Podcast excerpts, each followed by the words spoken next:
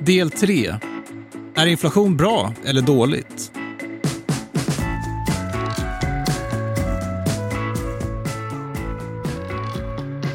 Okej, vi håller det enkelt för nu då. Inflation är samma sak som prisökningar. Mm, så säger vi tills vidare.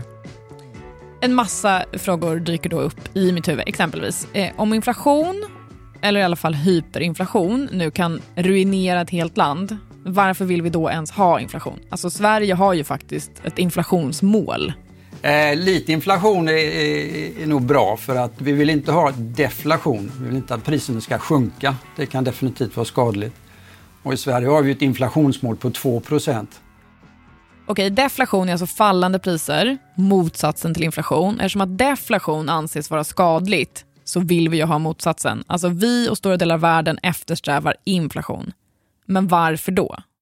Och varför man valt 2% är att om man ligger på 3-4% och man ska komma tillbaka till 2% över en längre period så, skulle, så, kan man gå ner till 1% eller en halv procent eller 0% Hade man haft 0% inflation så hade man ju tvungen att ha deflation. Och det kan ha negativa effekter. Man kan hamna i en negativ spiral.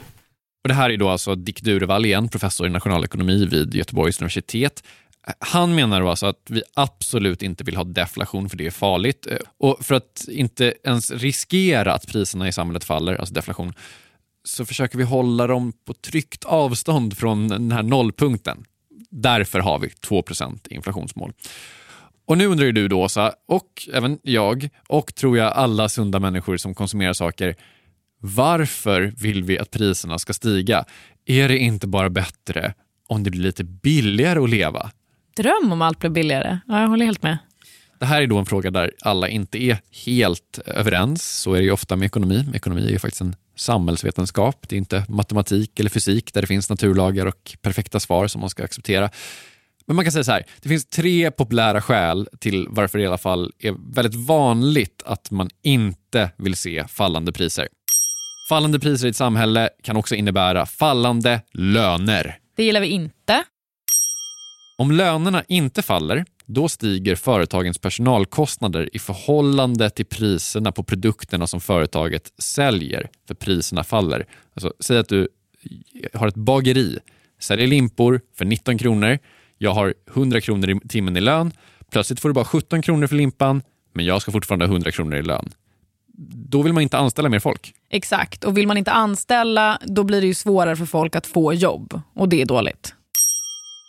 Ja, folk, eh, det är att inte köpa. Om du ska köpa en bil så väntar du tills den har blivit billigare. Det tredje argumentet mot deflation, att folk skjuter upp sin konsumtion, eh, vilket är väldigt dåligt för ekonomin. Det känns intuitivt. Ja, eh, vi kan väl ta ett skäl till när vi ändå håller på, en liten, ett litet bonusargument mot deflation. bonus. Ja, exakt. Om du har ett lån, vilket många människor har, så blir faktiskt lånet Alltså, det blir större när priserna och lönerna i samhället eh, faller. Är du med?